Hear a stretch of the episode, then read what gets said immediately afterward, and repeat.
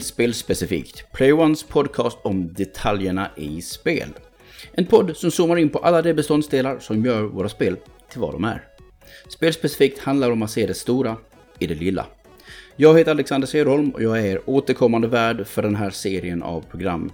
Jag är också chefredaktör för spelsidan playone.se. I Spelspecifikt kommer vi tala om en rad olika spelmekaniker, system, koncept, speldesigner och mycket mer.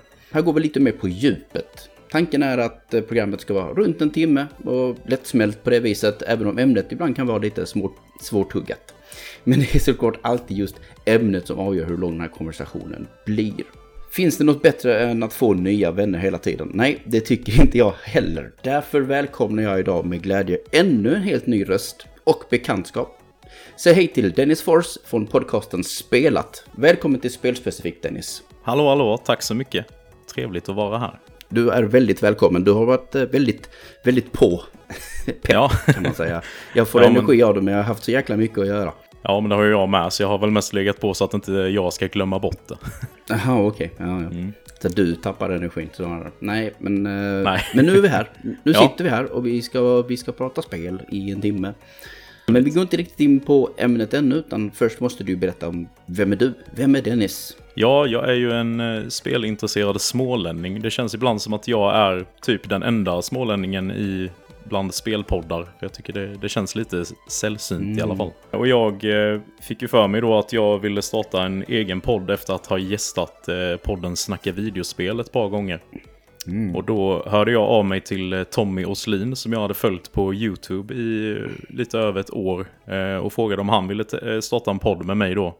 För jag hade en idé om att man skulle starta en podd där det är två främlingar som lär känna varandra genom att prata om tv-spel helt enkelt. Ja, ja. Så det är det vi har gjort med, med spelat nu då. Nu har vi gjort, vi spelade in avsnitt 31 igår. Men grattis. Tack så mycket. Ja, det, ja, ja men, jo, men precis. Ett, ett i veckan ungefär. Eller sånt där. Ja, ungefär. Vi hade en, mm. en uppehåll när jag låg eh, dödssjuk i covid. Så det... Oh, nej, ja. Så är det ibland. Tråkigt. Ja. Um, då är det tur att man har en, en, ny vän på andra sidan tråden där kanske.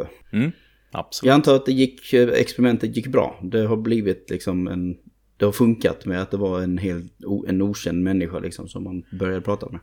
Ja, alltså det var ju såklart stelt och så här i, i början, de första avsnitten. Sen mm. har det ju blivit bättre och bättre och nu är, det ju, är vi ju verkligen tajta och hörs eh, dagligen liksom om eh, både spel och ja, livet så här. Så man har ju verkligen blivit mm. polare liksom.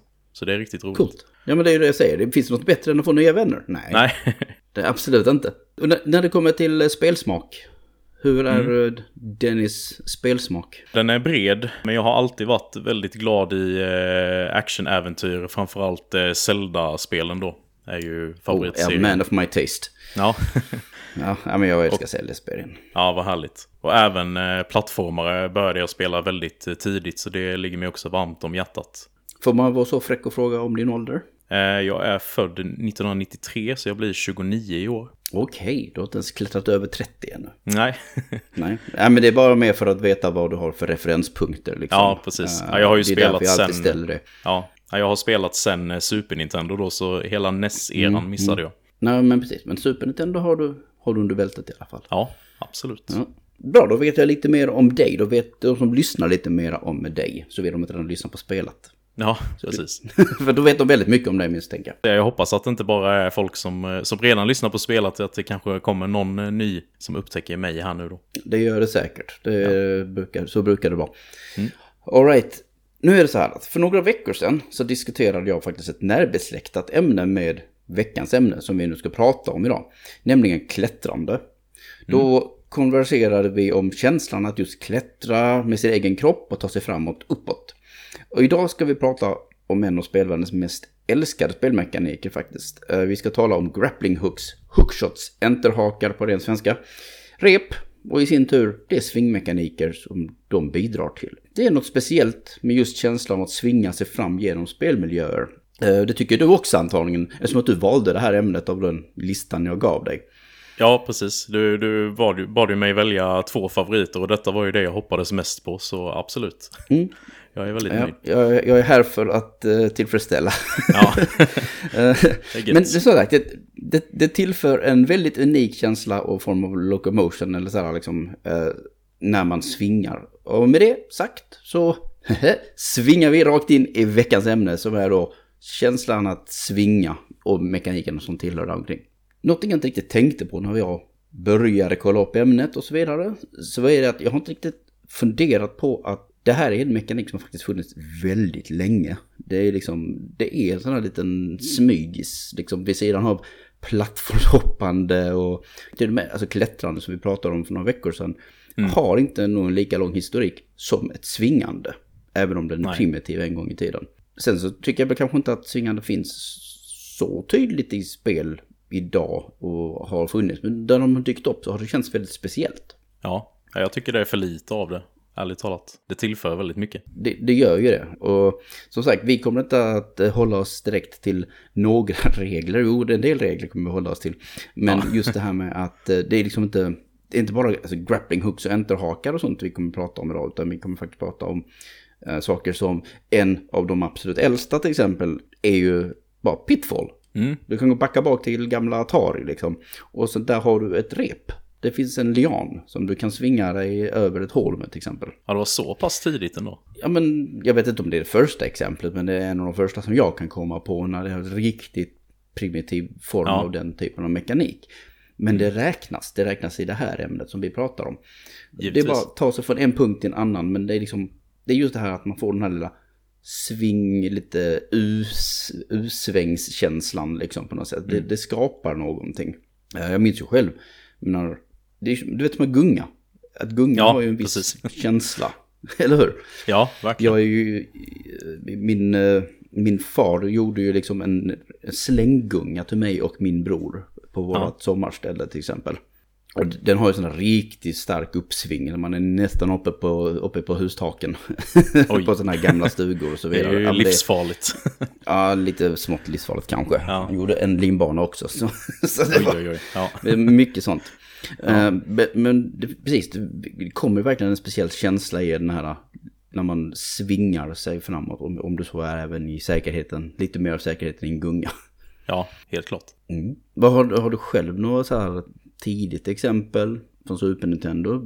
Ja, det fanns ju i det här eh, eh, The Magical Quest starring Mickey Mouse. Vill jag minnas Detta att det fanns en spel dyker upp hela tiden! är det, så? det är helt otroligt. Anton har lyft det när vi ja. pratar om eld. Nu ja. i förra programmet så lyfte eh, min gäst också upp det. Och ja. då lyfte han exakt detta som du kommer prata om nu. Jag bara tycker det är ball. Det är kul att många har den här referenspunkten. Ja. Jag såg faktiskt Varsågod. inte att det var med bland dina eh, spel du har skrivit upp i anteckningarna här. Men jag ser det, det nu när jag väl sa det. men, men berätta, absolut. Alltså jag kommer inte specifikt ihåg hur den mekaniken fungerade i det spelet mer än att man hade ju de här olika dräkterna. Och jag kommer inte riktigt ihåg mm. vilken av dem som hade. Men hade man inte att man kunde liksom greppa tag i de här olika blocken och svinga jo. sig över? Du hade lederhosen till att börja med. Ja, Är det precis. som Musse bär. Och ja. Eh, man har helt enkelt som du säger, finns det är så här gråa fästpunkter. Det är väldigt, eh, jag tror bara att det var de som tillät det. Så det är ju väldigt mm. så här binärt var du kan göra det. Ja, just det. Men, och, och, och så kastar du ut en hook liksom på lite snett. Lite så här Bionic Commando-style. Ja. Vilket också är ett Capcom-spel, så man kan ju se inspirationen ja, kanske. Ja, precis. Det finns ett mönster. Ja.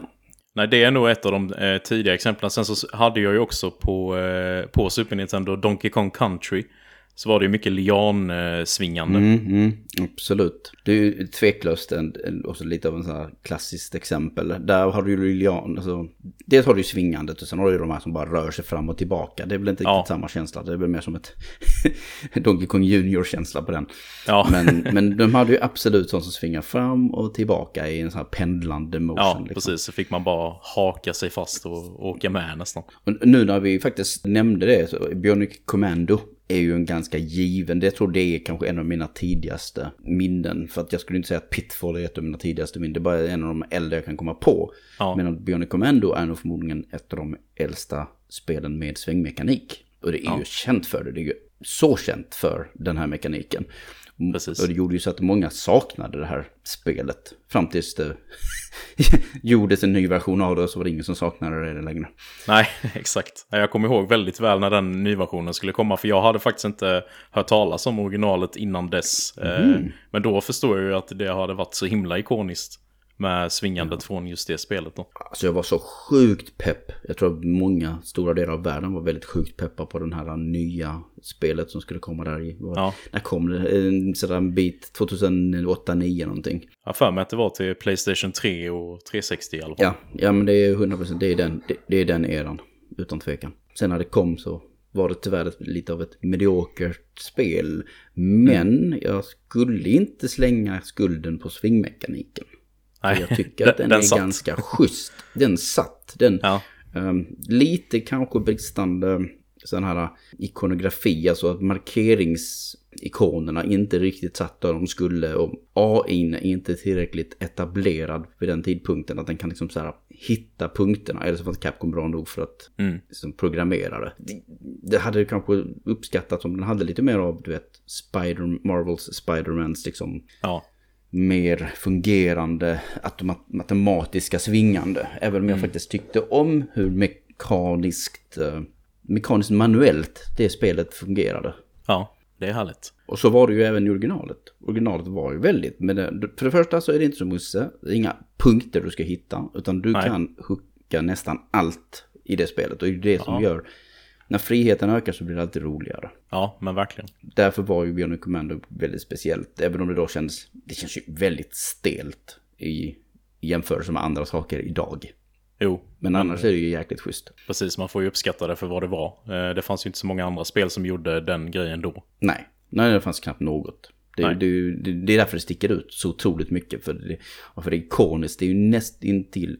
Alltså, jag skulle säga Spiderman 2, alltså på Xbox och du vet Playstation 2. Alltså ja, då. just det. Och, och Beyond Commando. Det är typ mm. de ikoniska svingspelen. Ja, precis. Som så här, verkligen cover, cover boys. Ja. liksom för den här, det här ämnet. Ja, exakt. Det var ju mycket snack om det inför eh, Insomniacs spel här då. Att alla bara hoppas de har svingmekaniken från Spiderman 2 liksom. Mm, men det hade de inte riktigt egentligen. Nej, du, men... Har du spelat Spiderman 2? Ja, det har jag gjort. Jag spelade det på mm. PC dock. Kommer inte ihåg om jag körde mm. det med mm. handkontroll eller... Men ja, jag har ju spelat spelet i alla fall. Ja, okej. Okay. Och din uppfattning om det, hur upplevde du det? Jo, men jag minns också att det var otroligt kul att liksom bara svinga runt och så här. Sen spelet i sig var väl helt okej, okay, men just svingandet satt ju riktigt bra. Mm. Och där var det också mycket mer precis eh, liksom, manuell styrning. Ja. Väldigt vänster, höger, väldigt viktigt att du fick momentum och kunna svinga dig. Medan de mm. har liksom automatiserat processen lite mer i Spiderman. Men det är ju också sjukt tillfredsställande. Ja. Ändå. Så det, alltså helt ärligt så är det ju, det var en jättebra känsla i Spiderman 2. Men det var fortfarande ganska krävande att, ja. att lyckas med svingandet. Och det var det de gjorde enklare i Spiderman. Medan de kanske inte riktigt lyckades med detta i den nya Bionic Commando. Nej. Exakt. Och där behöll de kvar liksom den här riktigt jäkla höga kravet på hur du, ett sving skulle funka för att det skulle funka. Alltså för att du skulle lyckas med det. Mm. Ja. Å andra sidan så släppte de ju Rearmed också samtidigt som folk istället blev jätteförälskade i. Så, det ja. var lite så här, inte den största, största satsningen var inte det som kanske blev hitten. Men Nej, Capcom precis. hittade i alla fall lite hittar. Ja. Jag hade ju personligen gärna sett en uppföljare. Alltså ett, alltså ett nytt spel. Det behöver inte basera sig på den versionen av Björn Commander. Vi kan börja om. Vi mm. rebootar igen. Det är väl ja. okej okay efter 10 plus år liksom. Ja men verkligen. Tänker du det är ett spel i 3D då eller? Ja, ja, ja. Mm. ja, ja. Nej men för att Rearmed är så uppenbart och enkelt. Att vad, vad, gör man liksom? Nej, mm. nej, när vi gör ett nytt försök med 3D. Ja, precis. Såklart. Men där, där det kanske kan vara lite mer variationer, glädje i svingandet och inte vara så otroligt alltså stelt och krävande. Det ska inte vara det dark souls of grappling-spel. Nej. liksom. Nej, det är inte det man är ute efter. Det ska ju vara kul. Nej, det ska ju vara kul. Även om jag vet att det finns folk, alltså man gillar ju nivåer av hur djupt ett system går. Men man kan också oftast, du vet, även Marvel Spiderman har djup. Man kan göra olika saker. Men det är bara att det är kanske enklare att göra den basic grejen. Och sen så kan man göra häftigare saker mer avancerat liksom. Mm. Det finns ju alla de här tricksen och grejer. Men själva Precis. grundmekaniken är ju väldigt lättillgänglig. Jag undrar om man behöver trixa i ett Bionic Commando. det Nej. det, du vet, det, det, liksom, det känns inte som att... Det känns som att ett sånt spel borde skapas. Där man liksom får, alltså typ Tony Hawk möter Bionic Commando. Ja, shit vad fett. Det- ja, men får liksom trixpoäng liksom. Ja. För att göra sån luft, skateboarding inom svingande. Ja, verkligen. Ja. Ja, jag är på. Ja, ja, ja, men ja. Vi får lobba som en för bra det. idé. Ja. Vi får lobba för det, absolut. Och sen, jag vet, um, alltså ett, ett annat tidigt exempel för min del är ju också Worms. Mm. För att gud vad jag älskade att ninja-repa i Worms. Även om jag också samtidigt kunde hata mina kompisar när de ninja-repade. För de var oftast, jag var inte alltid bäst på ninja-repa. Liksom hoppa liksom runt med min det här ninja. Du vet hur det funkar, du har spelat Worms. Eh, Jag har spelat något Worms-spel i alla fall, eh, ytterst Okej. lite. Så du får gärna recapa vad ninja-repa är Okej. för något. Ja, ninja-rep, du, du, bara, du skjuter ut en enterhake och sen så bara slänger, så skjuts det ut alltså med ett synbart rep. Ja. Och sen så kan man bara slänga sig ut eller hoppa ut för kanten. Och så sitter man helt enkelt på den punkten där man satte repet. Men Ja. du kan helt enkelt börja gunga fram och tillbaka i en pendlande rörelse och få upp mer momentum. Och Mm. till slut så kan du liksom verkligen göra, de som är riktigt bra på det kan ju få igång momentum i den graden då att de kan i princip börja alltså, rotera. Så de kan liksom ta sig från undersidan av en klippkant som sticker ut Ja, upp till toppen. De kan inte göra nästan en 360. Efter tillräckligt mycket svingande. det låter sjukt ju. Ja, och det var otroligt frustrerande när man mötte några som var jäkligt kompetenta på ninjarepet. För då kunde de bara göra ett ninjarep. Och det var inte ett avslutet, det var inte avslutet på en handling heller. Utan Nej. du kan göra ninjarepet. Och sen har jag för mig att du liksom fick lov att göra din vapenhandling. Så de kunde ninjarepa sig upp till dig. Svinga sig runt. Gå bakom ryggen på dig och sen bara liksom haduka dig. Eller skjuta Ja. dig med en precis. Det var extremt frustrerande och väldigt Ja, eh, eh, så OP-vapen kan man säga. Men kul att utföra såklart. Ja, väldigt, eh, som sagt, nog förmodligen spelets mest så här mekaniskt tillfredsställande element. Ja. Och sen då framförallt också att repet hade axlar. Mm. Alltså repet, det var inte bara ett rakt rep som snurrade runt. Eller blev, du kunde läng- förlänga det också, liksom, göra det, li- liksom, hissa upp dig och hissa ner dig så att det Ja, blev en ja, ja. större cirkel. Men slog du emot en kant, ja men då böjde sig repet. Så det finns Ja. liksom så axlar på repet, flera punkter. Och det är någonting som jag tycker om ganska mycket, eller väldigt mycket egentligen, när vi, inom det här ämnet. Liksom när ett rep har många böjbara axlar eller punkter. Där de Ja. inte bara, så de inte bara stelt. Ett rep har ju hur många punkter som helst. Ja. Men det finns ju en gräns för vad ett spel klarar. Ja, precis. På tal om rep där så är det ju väldigt omtalat Mm. från eh, The Last of Us Part 2 med den repmekaniken där i. Nu är ju inte det svingande direkt så, men jag bara tänkte på tal om rep. Va, ja, jag har inte spelat uh, Part 2 så mycket så du får gärna utveckla på den. Ja, det är ju, det är ju inga spoilers kring story eller något sånt, men det är ju, eh, man har i alla fall ett rep Ah, som, som varning för sp- reprelaterade spoilers. Ja, precis. precis. Men man har ju i alla fall ett rep som du kan kasta iväg och det är liksom väldigt specifikt hur det landar och sånt och du kan haka fast i grejer och dra och även hissa upp grejer har jag för mig ur hål och brunnar och allt vad det är. Jag, för, jag vet att det har varit mycket prat om det men eh, jag kan inte minnas att det stack ut så mycket för min del när jag spelade det men eh, ja. Var det väldigt öppet eller var det väldigt mer så strikt om, lite så här om jämför med uh, un, Uncharteds liksom klättrande på väggar och så vidare. Liksom, Det är den här linjen, den här punkten, du kan bara göra det här. Eh, det var nog ganska strikt för jag tror inte du kunde använda repet eh, när du ville liksom. Utan det var vid vissa punkter, vid så här pussel, eh, pusselmoment. Men när de väl använde det så var det väldigt imponerande rent fysiskt. Ja, precis. Jag förstår. Du som har spelat då eh, sen Super Nintendo-tiden. Har du några minnen ifrån till exempel Super Castlevania 4 eller Super Metroid? Är det någonting? Har du minnen därifrån? Eh, jag spelade inte något av dem på, på den tiden när jag var mindre liksom. Okej. Utan de har jag spelat i på senare år då. Castlevania har jag inte tagit mig igenom. Jag tycker det är ett väldigt utmanande spel men väldigt bra. Super Metroid det minns jag ju väldigt tydligt med svingandet i den här grappling-hooken. Den, het, den heter väl grappling hook även, även om den inte... Grappling Beam tror jag den heter. Ja, text- precis. faktiskt. Så heter det ju. Så det blir att man skjuter upp en stråle i taket och kan svinga sig över stup. Liksom. Mm. Det, Ja, det är väldigt god känsla i det. Och det är ju också så här väldigt, så här Metroidvania gatekeeping-aktigt. För du, ja, du kan använda den på de här uh, blocken. Ja, Det är specifika block som man måste fästa den vid för att du ska kunna använda den. mm, just det. Så den- är ju ganska stel men det funkar ju utmärkt för så här gatekeeping. Ja, Sen så har ju även den, den, den uh, grappling beamen har ju också ett jättekänt användningsområde mot bossen i uh, No Fair. Nej, inte No Fair. I vattenvärlden, Meridia. ja precis. Är det, inte till att, den? ja, är det inte att man hookar upp sig så att man kommer över på andra sidan av bossen? Eller minns jag fel då? Nej, det är så att bossen kan ju fånga det i sina klor. Ja, och lyfta det och så dränerar den det på energi. Men om du då skjuter grappling beamen in i en av de förstörda... Man, man skjuter sönder saker på väggarna och där exponerar man elektriskt eh, maskineri. Ja Och då kan man, om man då hookar grappling beamen när man är i klorna på bossen. Ja. Så man bara roastar honom. det. Ja, precis. Så den har ju ett väldigt grymt. känt användningsområde. Mm. Ja, det är häftigt faktiskt. Den här gra grappling beamen var ju väldigt tydlig i Metroid Prime också, eh, vill jag minnas.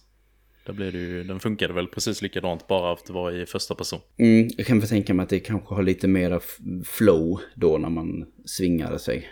Ja, det, man, man kände sig ju verkligen. Ja, den är lite mer stel skulle jag säga i, eh, på Super Metroid. Ja, ja här blir det är liksom så här, sving, hoppa, släpp, fånga igen, svinga vidare liksom. Mm, precis. Min upplevelse från den tiden egentligen, det är en, jag har en, en typ av grappling hook eller svingmekanik som är extremt oförlåtande men extremt tillfredsställande när man sätter den. Och det är ifrån spelet Earthworm Jim 2. Som jag också har nämnt redan i något tidigare program. Ja, Eh, faktiskt i matprogrammet tror jag det var. Och det är att, att i tvåan så fick Jim en kompis som heter Snott. En liten slemvarelse som gömmer sig i hans ryggsäck. Och det är hans lilla grappling hook som kan fästa sig i uh, takytor som har slem på sig. Mm. Men det är inte så att du hookar och sen så svingar du liksom eller fastnar med den utan det är verkligen att lite mer som Super Metroid. Att ja, du ja. Mm. du, du hoppar, du kastar ut snott i en väldigt diagonal vinkel. Träffar taket och han slungar dig i en sån här pendlande motion. Liksom väldigt kraftfullt, väldigt snabbt. ja. r- I den riktningen du är på väg åt. Och sen så bara släpp greppet och så måste du släppa i rätt eh, punkt i pendeln liksom. Ja, så att du precis. sen kan fortsätta till nästa punkt med slem till exempel och hooka honom där också. Mm. Och så fortsätta. Det är en väldigt, ganska oförlåtande svingmekanik men den är väldigt tillfredsställande som sagt.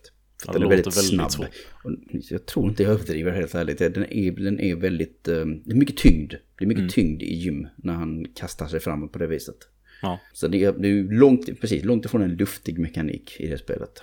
Ja. Annars så, ja, inte, vad har vi mer? En, en, någonting jag skulle kalla som en legendarisk sving. ja. Eh, har, du, har du spelat Another World? det har jag inte. Ja, från början var det väl ett Amiga. Det är ett Amiga-spel för mig, Amiga 500. Eh, det finns ju på Super Nintendo och andra plattformar, men för mig var det först på Amiga. Det spelet börjar ju med att man kommer upp eh, efter man har teleporterat sig till den här nya världen. Som sagt, om ni inte spelat Another World så ger det en chans. Det är liksom typ två timmars spelande, men det är så jäkla bra. Det är sån otroligt jäkla bra indiespel utan att det är inte indiespel. Eller Nej, vad vi nu ska kalla det från den tiden. Jag tror jag har det på min Switch, så jag har tänkt att jag spela det någon gång. mycket mentaliteter alltså, som vi har idag i våra indie-plattformar och så vidare. Ja, Och väldigt varierat. Med det sagt så inleds det som sagt med att man kommer upp ur en damm eller någonting. Sen så ska man ta sig till höger en liten stund, bara sparka på lite ormar så att inte de biter den och dödar den. Så kommer man i slutet av den gången så kommer det ett monster som är väldigt ikoniskt för just den sekvensen. Uh, så det ser ut som ett svart lejon. Det är bara en stor silhuett egentligen. Och då ska man vända på klacken och sen rusa till vänster. När man då kommer förbi den här poolen där man är så till slut kommer man till en klippavsats. Och når man den punkten och hoppar så kan man hoppa, ta tag i en lian som svingar sig till eh, vänster och sen tillbaks till höger bakom odjuret. Så att man sen kan fortsätta till höger igen där man inte kunde komma förbi innan för den var i vägen. Och den Ha. jagar den fortfarande. Men det är en det, är rätt cool för att du får liksom en väldigt skön svingkänsla även om den på, Ja. på gränsen är skriptad. mm. Ja, det låter ju väldigt avancerat för ett så gammalt spel. Ja, det är ju ett tidigt 90-talsspel. Ja. Liksom. Så, Ja, det är häftigt. så det, det, det är vad jag kallar en legendarisk sving. Ja, ja, jag förstår det.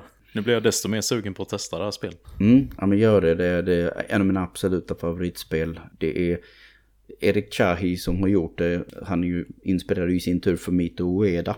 Mm. Som gjort Ico och Shadow of the Colossus och Ja, The Lost ja, mm. Guardian. Så att du, det är inte så att han, man inte har haft influens liksom. Nej. Har vi andra roliga exempel? Spel som har nailat den här svingkänslan genom åren. Eh, Ett väldigt modernt exempel som jag har här Mm. då, som jag inte tror du har skrivit upp här, det är ju Returnal till eh, Playstation 5. Mm, okej. Det som kom Där- förra våren. Ja, precis. För där Mm. eh, kan man ju låsa upp, eller ja, eh, under spelets gång så låser man upp som en, jag kommer inte ihåg vad den kallas i spelet, men det är ju i princip en grappling hook då. Och samma Mm. sak det här som du nämner att det är fasta punkter som man kan hooka sig till. Men då blir det ju det här, du hookar ju inte direkt till det, utan det blir ju att du, det är ju som svävande punkter kan man säga, och du hookar i dem och då flyger du liksom förbi dem. Och kan nå då en avsats som ligger jättelångt bort. Är det mera som, eh, är det mer som enterhaken i Arkham Asylum till exempel? Eller Arkham City? Du liksom katapultar iväg dig. Ja, men jo, precis. Det kan man säga. Och så får du ju en väldig fart. det, det här, det, så det här är inget svingande. Utan det här är mer den här klassiska enterhaken som precis. Suger precis. upp det till punkten.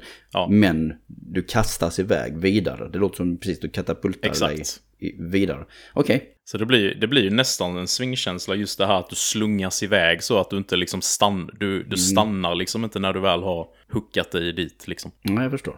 För det gör man väl nog egentligen i Arkham-spelen. Antingen så fastnar du på den punkten där du har fäst dig. Eller så väljer du att trycka på hoppknappen typ. Och då Ja. får du lov att komma vidare. Men här får du inte, utan det här är en del av mekaniken att den kastar dig vidare. Ja, precis. Till en Okej. avsats som du Ja. inte har kommit åt innan då. Mm, jag förstår. Nej, väldigt härlig känsla måste jag säga. Det, och jag visste inte det sen i förväg heller att det spelet skulle ha en sån mekanik så det, det lyfte verkligen när jag låste upp den. Är det djupt in i spelet? Det är nog efter när du har klarat andra eller tredje biomen tror jag. Så det är Mm. väl näst, ungefär halvvägs då.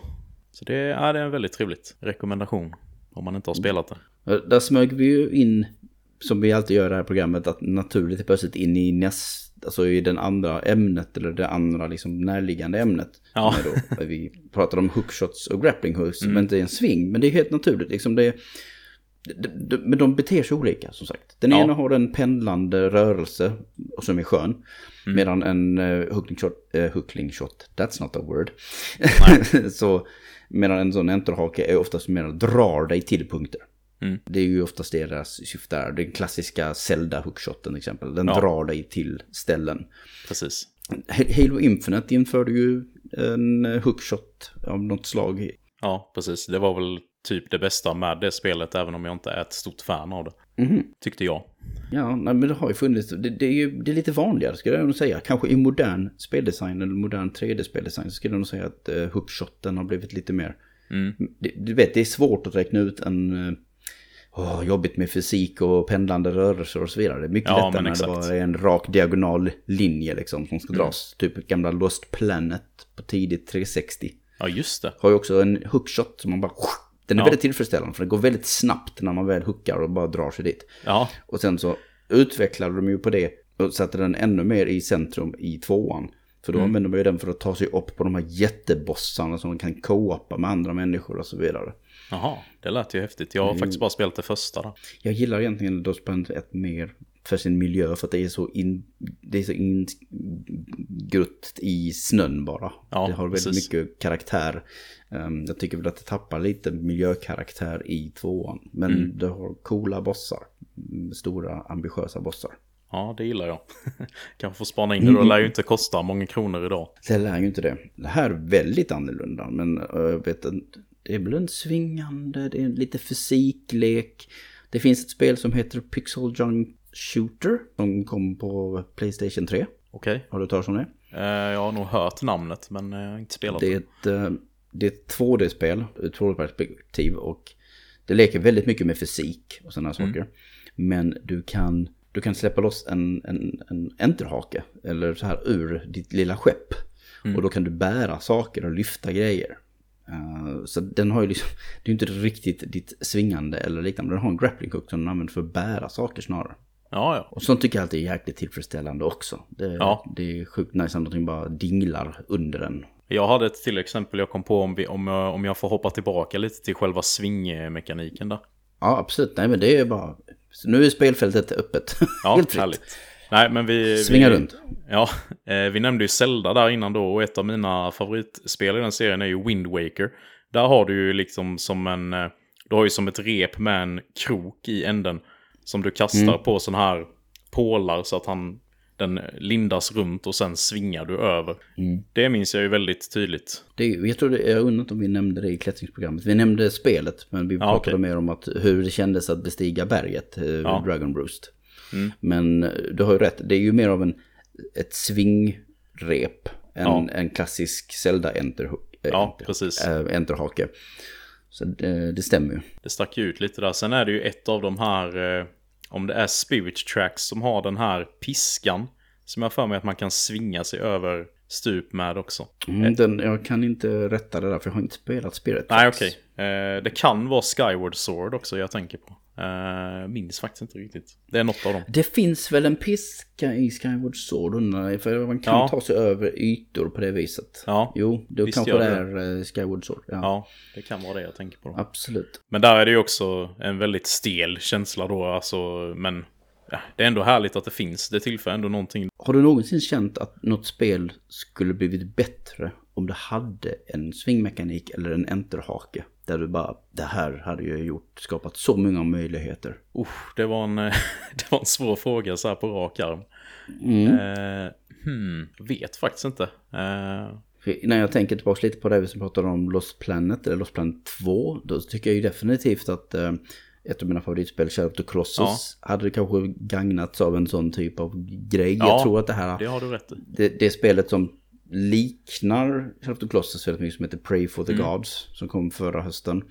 Det har ju en enterhake i sig. Jag har inte spelat det spelet också, jag vet inte exakt hur den använder Nej, sig. Om den används för att kunna hucka i de här gästarna. Ja, Jag hade ju definitivt tyckt att det hade ju kunnat skapa lite mer dimension, möjligheter, men då får man ju bygga där, bygga, bygga pusslen och jättarna Jo, och kolosserna ut efter det såklart.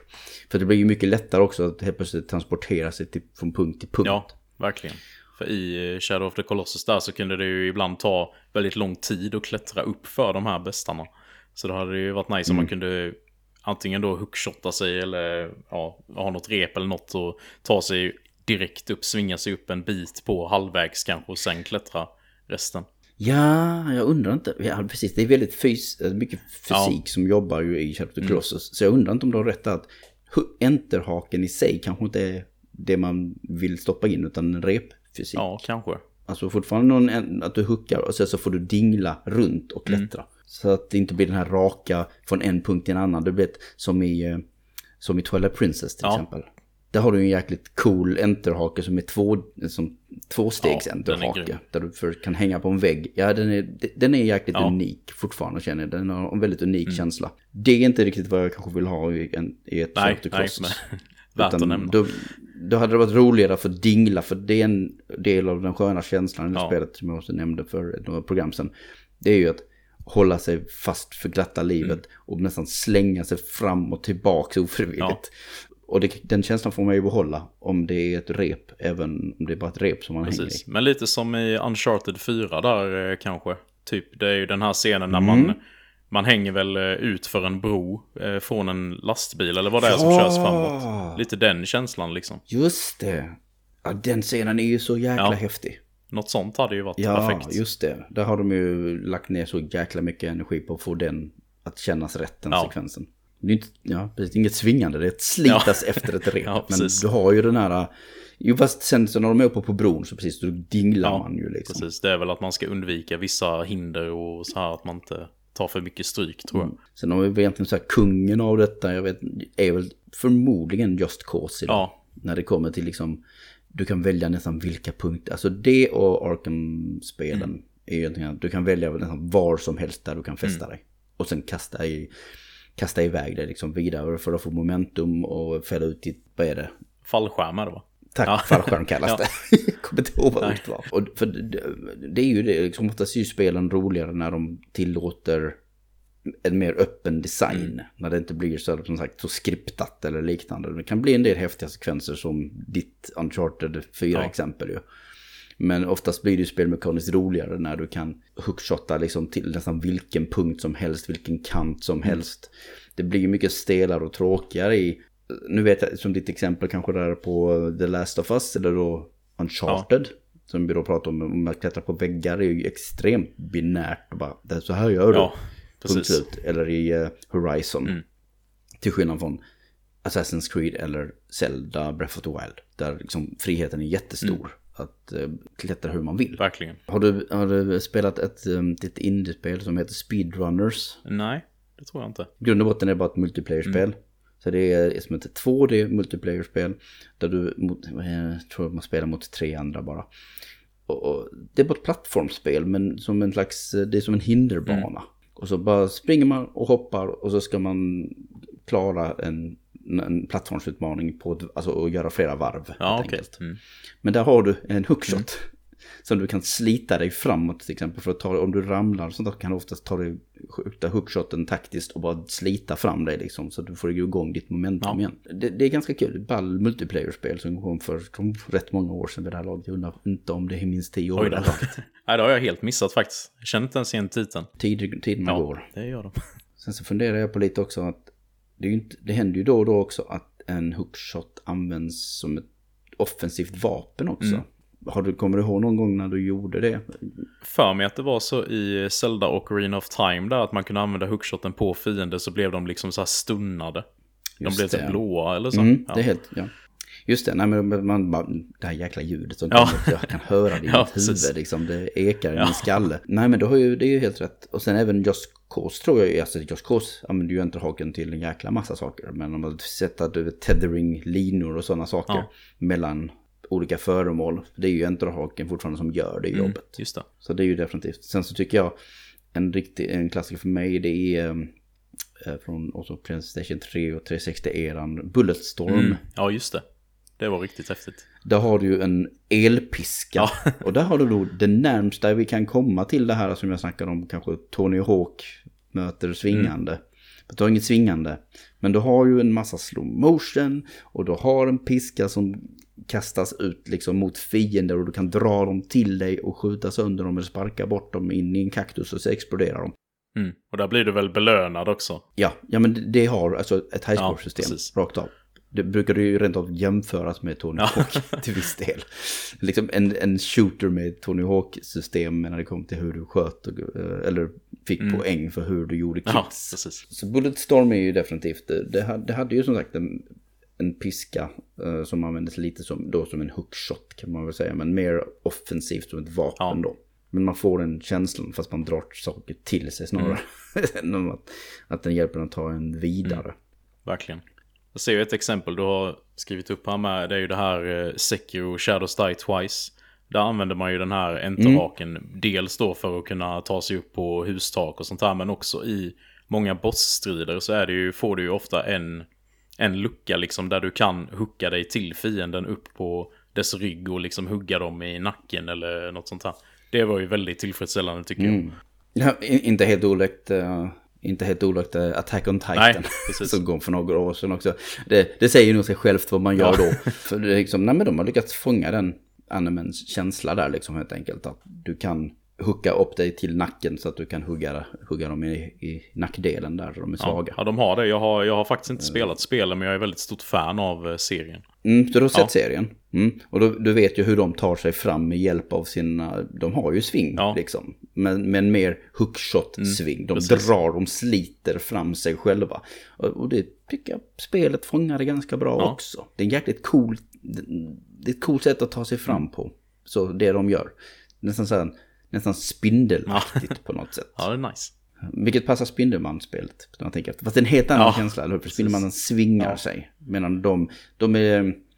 Det är mer så här som Venom tror jag brukar ta sig fram i spel. Han brukar också så slita sig Ja, framåt. precis. Men de har väl någon sån mekanik, de skjuter väl ut den här linan från höften, typ någon liten eh, mekanisk grej där, har jag för mig från serien. I Attack Ja, on Titan. precis. Ja, precis. De, det, det, det kommer därifrån den här backpacken, men i Ja, höfthöjd som du säger. Så, alltså, kan du tänka dig ha den känslan i, i höften? Alltså när du slits, och så bara herregud, ryggen borde knäckas av det trycket. Nej, det lär alltså. inte vara så skönt. De måste ha någon, eh, de lär, de lär behöva sådana här metallskenor i rygg, längs ryggraden, annars är de döda på fläcken. Ja, det är väl deras minsta problem kanske i den världen. Ja, det finns väl en viss sanning i det antar jag. Om vi ska, jag, jag, tänker bara egentligen slänga fram exempel och jag tar ett tidigt exempel till ett av mina som också har nämnts tidigare i den här serien men det är ju Aladdin. Capcom Aladdin. Det, börjar, det är bara en nice swingkänsla. Utan tillbehör, inga rep, ingenting. Bara Aladdin kan parkour i princip. Han kan liksom, han är ett tidigt exempel på det som Ezio har kunnat i 3D liksom att hoppa framåt och sen ta tag i en, eh, i en pin, pinne. Det är väl en, eh, du vet det är 2D så det ser ut som en jäkla punkt bara. Men det är i grund och botten en utstickande stång. Precis. Och sen så, precis som i Prince of Persia eller någonting Mm. liknande. Så bara kan han liksom svinga och sen så har man momentum rätt så kastas han upp i luften och så kan man fånga nästa Mm. grej. Återigen, det där ljudet när man fångar den här jäkla pinnen med händerna är väldigt uh, i mitt huvud Mm. också. Ganska fånigt ljud egentligen när jag tänker, det är liksom, Ja. liksom det är sånt konstigt, icke träigt ljud. ja, men vissa grejer bara sätter ju sig så. mm, så är det, så är det. Jag har inte spelat just Aladdin, men däremot Djungelboken spelade jag ju en hel del på Super Nintendo. Och där var det väl också att man svingade i lianer och så här. Men jag har för mig att det var väldigt utmanande, men att det ändå kändes bra, svingandet. Mm, precis. Hela det spelet Ja, utmanande. precis. Det är så sjukt utmanande. Men ja, nej precis. Jag, jag uppskattade väl det också. Mm. Uh, jag, jag vet, som sagt, stort fan av Capcoms Disney-spel. Virgin gjorde några schyssta också. På, som sagt, sitter inte riktigt på alla din fältet i den. Men Djungelboken är schysst. Mm. Jag tycker även faktiskt om Lejonkungen. Det har också en liten svingmekanik när jag tänker Asså? efter. Att uh, Zim, Zimba, Simba kan, eh, han, han har det. Men det finns, du vet eh, de här små, vad är det, bana två så kan du ju hopp, svinga runt på de här aporna. De kastar omkring det, de här mass multicolored aporna liksom. De kastar runt det, det är liksom ett pussel Ja. nästan. Eh, det är också så här, det är lite så här som det jag nämnde med, med Jim innan. Väldigt tung fysik, väldigt, känns rough när de kastar Ja. den liksom. Svårt att hinna tajma sina, smäll, eh, sina träffar och Ja, sådär. precis. Vi ska kanske börja avrunda diskussionen. Eh, Vad vill vi se med framtiden? Nu har vi pratat mycket fram och tillbaka om nutiden och dåtiden. Det har blivit ett ganska mysigt program att prata om massa bara spel Ja, idag. det är härligt. från eh, många andra öppna koncept som vi har haft eh, i tidigare Mm. program. Men vad ser du för möjligheter med hoopshots eller svingande och enterhakar och gud vet vad för framtiden? Ja, dels det vi var inne på där då, om, om det mot förmodan skulle komma en uppföljare på Shadow of the Colossus då, att eh, de skulle implementera något sånt, hade ju varit riktigt trevligt. Och även då så hade jag velat se någon form av uh, hookshot-mekanik i eh, uppföljaren till Breath of the Wild här nu då, om de hade lyckats få till det i den öppna Oh. världen, eh, utan att det blir... Det förstör för dem. Ja men i, i, i och med att tvåan nu ska utspelas upp i Mm. luften så kanske det kommer behövas lite hookshotande för att ta sig mellan svävande ytor och så Exakt. vidare. Vi kan ju hoppas. Så det låter ju inte helt orimligt. Nej. Du vet vad? Den där hookshoten från Twilight Princess får gärna återvända. Shit vad gött hade. Den passar ju väldigt bra i det luft, eh, lufttemplet som var där. Usch, jag blir sugen på att spela den nu. Jag hade ju gärna sett eh, jag vet, ett spel som Stingwall Dig till exempel. Eh, det hade ju inga eh, hookshots eller liknande. Men för, eh, föregångaren eller rättare sagt inspirationen till, eh, till Stingwall Dig är ett spel som heter Minor Dig Deep.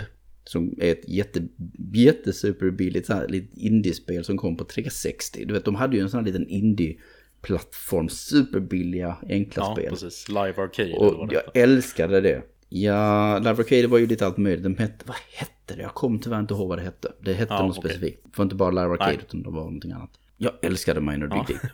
Och det är därför jag tycker om, liksom det där, det är därför jag tycker om Mm. Dig också. Och i Minor Dig Deep, då kunde du få, då hade du en hookshot och gjorde så att du kunde fästa den i taket och så kunde du hissa Mm. upp dig. Om du var djupt ner i ett schakt så kunde du alltid liksom hämta upp dig igen. Ja, ja. Så länge det inte var alldeles för högt upp. Eh, Och jag hade ju tyckt att ett spel som Stingwall Dig hade kanske det har varit intressant att se vad de kan göra med det. Ja, verkligen. På alla möjliga sätt. Med mer fysik till exempel. Allt från, du vet, det är ändå ganska Metroidvania-aktigt mm. ibland. Så du kan svinga, du kan... Vi har inte använt rep så mycket så som i Unravel till Nej. exempel. Där kan du också trä... Jag gillar det här med att ett rep som sagt har flera ja. axlar. Så att du kan använda det lite pussligt mm. också. Och det hade väl ett sånt spel gagnats av till exempel. Ja, helt klart. Så det, det är jag lite nyfiken på. Och, uh, men hej. Gärna i formen av ett 3D Steamboat Dig. Det ja. hade varit väldigt välkommet. Det, men för det blir lite så här för det, det, blir lite mer som så här, ett Deep Rock äh, Galactic, men med det mer fokus på pusslande och äventyrande mm. än skjutandet. Det tilltalar mig mer till exempel. Ja, samma här. Så det, är ju jäkligt välkommet. Och grävande. Men det tar vi i ett annat ja. program. Mm, för oh my god som jag älskar grävande i spel. Det kommer jag definitivt prata med den som mm. vill. För mig är det nog den här utvecklingen av punkterna i repet. Till exempel hur mycket saker man kan göra med det. Man kan dra runt rep. Man kan göra så att det, man kan liksom svinga i 3D på ett sätt liksom runt huset. Så liksom svingar hela vägen mm. runt. Till exempel. Det blir den här Mario Galaxy-effekten. Du vet, när du, du vet den här härliga känslan. Ja. När du kastar dig runt en planetoid. Ja, men den kan du få kanske. Ja, jag är helt ombord den utvecklingen om de lyckas få till det. Det känns mm. inte som att någon satsar på det så mycket bara. Alltså det känns, känns som en underskattad grej. Ja, men det, det var väl lite där som, om vi går full cirkel, så är det ju det att det här är en mekanik som har funnits väldigt, väldigt mm. länge. Den är liksom inte okänd, men den glöms ja, bort lite precis. då och då. Det, och det, det, är väl också kanske därför den är så omtyckt också när den dyker ja. upp. Att den sticker ändå ut för att vi tänker på den att åh, oh, det här gillar jag, den här känslan är mm. nice. För den får jag inte så ofta. Nej.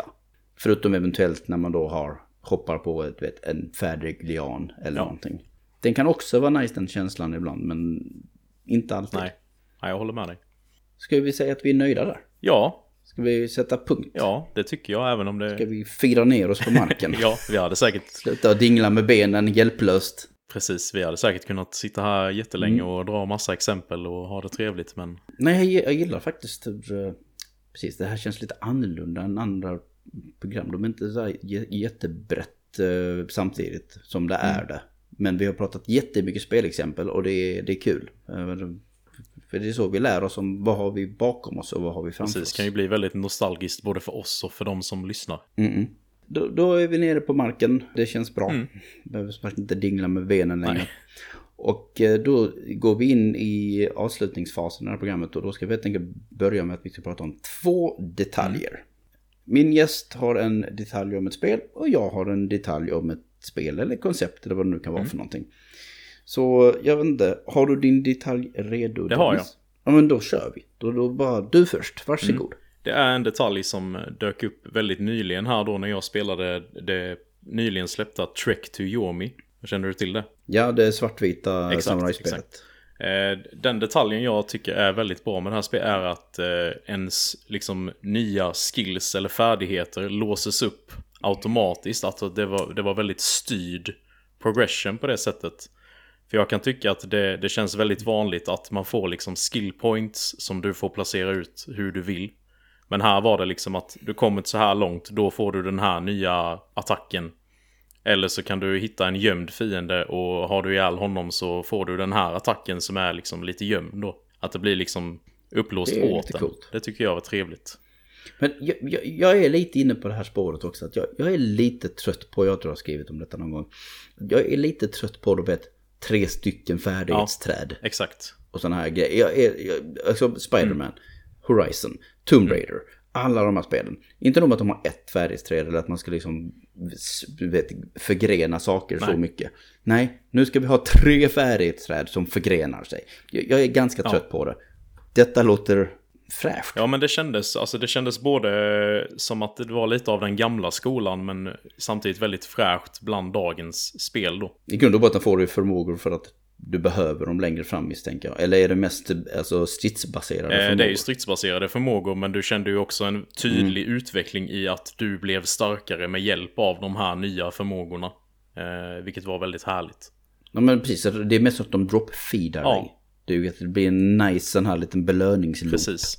Att när man kommer vidare så bara, ah nu, nu jäklar liksom lär jag mig någonting nytt och så blir det kul ja. igen. och så får jag tillämpa Precis, det. och man fick ju också då lära sig eh, att använda de här attackerna för de hade ju liksom färdiga Ja men tänk dig som eh, attacker i ett fighting-spel att de har en eh, färdig knappkombination input liksom. Så de, då fick man ju lära sig Mhm, att implementera dem och när man skulle använda dem.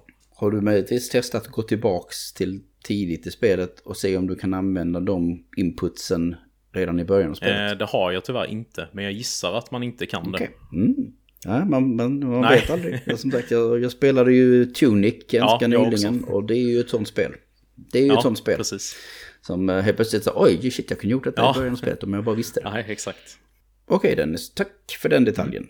Min tur. Den är också eh, lite, uh, den är också stridsbaserad skulle jag säga. Jag vill bara egentligen ge en liten shoutout till den sköna känslan återigen. När vi pratar om den svingande, nu ska jag prata om side dashen. Eller dodgen. Men inte dodgen i att, precis, att ducka undan eller liknande. Utan främst när man gör en side dash. En slide. I, i- bara är helt i sidled. Det är en sån sjukt tillfredsställande liksom, move att göra. Den känns rätt. Uh, oavsett om du är på mark till exempel. Uh, det är inte rollen heller riktigt. Jag vill inte ha rollen. Jag vill ha Dash dashen. glider liksom. bort liksom. Ja, men är är det, inte, är det inte så i Returnal? Har inte den en Eh, jo, precis. side dash? Där dashar man ju runt. Mm, där. Helt rätt. Precis. Eh, och sen har vi ju så här Zone of the Enders. Då du är mer svävande. När du är i en meck. Sjukt nice känsla. Man får göra en, en dodge på så, så snabbt och smidigt kan man säga. Har du någon eh, liten, har du ploppat upp någon liten side dash i huvudet på dig? Eh, jag tänker på ett spel som jag personligen inte har spelat men som verkar ha mycket av den här dash-mekaniken. Det är ju ett spel som heter Vanquish. Ja, ja, jag älskar Ja, Vanquish. där är det väl mycket du glider runt på marken mellan olika... eh, Mm, Ja, det, det gör man på knäna. ja. till och med det. Nej, så att litet, litet kort intimt kärleksbrev till side dashen från min sida. Härligt. Och det var våra två detaljer. Och därmed så har vi nått fram till programmets slut och det är ju dags för mig att som vanligt plugga sajten som jag skriver för och driver som heter playerone.se och vi heter playerone.se slash på Facebook at playerone-se punkt punkt, punkt, punkt, punkt, punkt, punkt, punkt. Det är lite av en tungvrickare det där. Nej, Vi heter faktiskt at playerone-se på Twitter och samma sak på Instagram. Och sen finns vi även på Discord där vi snackar spel och andra nördiga ting. Men på playerone.se, ja, där finns länkar till allting på vår hemsida. Och är det så att man vill följa mig och mina tankar om spel och nördighet och titta på en fredagsdrink då och då, ja, då kan man följa mig på att dogma understreck. Var hittar man dig Dennis? Man hittar ju mig eh, främst då i eh, min podd eh, Spelat. Vi finns ju på, ja, där man hittar poddar, men också på Instagram och Facebook. Spelat podcast kan man lägga till i länken. Och så jag försöker vara ganska aktiv på Twitter. Jag tror det är Dennis Underline Foss. Och annars har jag Instagram, Denka Foss, där är väl med mer privata grejer så, men Hur stavar du Foss? eh, F-O-R-S-S. var, du gömde Ja, R. ja, det blir lätt så med min dialekt. Bra, då är vi extra Ja. tydliga med det. Och sen då vårt eh, fantastiska intro och outro till programmet är ju gjort som vanligt av eh, Dominik Ninmark som har gjort spelmusik åt bland annat spel som Striker Sisters, Rival Megagun, Mighty Goose och Blazing Chrome. Han hittar ni på YouTube som Dominik Ninmark och på Twitter som Dominik Ninmark. Tack till alla som lyssnar på Spelspecifikt och vår podcastfeed Player One presenterar finns just nu i valfri podcastspelare nära dig. Glöm inte att klicka på den här prenumerera-knappen. Men det hjälper oss jättemycket såklart. Eh, vi vill ju veta hur många återkommande tittare eller tittare, lyssnar vi har. Så klicka på prenumerera-knappen, få ett nytt spelspecifikt i din podcastlåda varje fredag. Generellt klockan mellan klockan 7 och klockan 8 på morgonen. Starta helt enkelt din fredagmorgon eller varför inte helgen med ett spelspecifikt. Gillar ni vad ni lyssnar på så smäll in ett betyg och hjälp oss bygga popularitet. Om du tycker om programmet så finns det en stor chans att det finns någon annan spelälskare där ute som än så länge är olyckligt, omed, eller olyckligt ovetande om vår existens. Hjälp denna individ att bli lite lyckligare. Tack! Och slutligen så vill jag slänga fram en... Jag har insett att det här är lite av en styrka med programmet baserat på vad jag hör från mina gäster. Och det är att jag slänger fram en öppen inbjudan till det här programmet. Om du har ett bubblande behov av att få ventilera dig om spel, så tycker jag att du ska anmäla intresse att medverka i programmet. Alla snacksugna med en vettig mikrofon är välkomna till Spöspecifikt och prata med mig om allsköns ämnen. Så mina DM på Twitter är öppna och det är bara att höra av sig och så kan jag skicka en lista med ämnen som jag vill snacka för det är jag som tar fram ämnena generellt. Och just nu så välkomnar jag också kvinnor till podden. För det har varit alldeles för många vita cis-män i showen hittills. It's just the nature of the beast. Men det kan bli ändring och jag vill att det ska bli ändring. Så alla hälsosamma perspektiv är välkomna. Det var det. Och återigen så vill jag tacka dig Dennis för att du ville medverka i podden. Tack för den här diskussionen. Tack själv, det var jättekul. Mm, ja, då hörs vi nästa vecka kära vänner. Och till dess, glöm aldrig att se och uppskatta det stora i det lilla.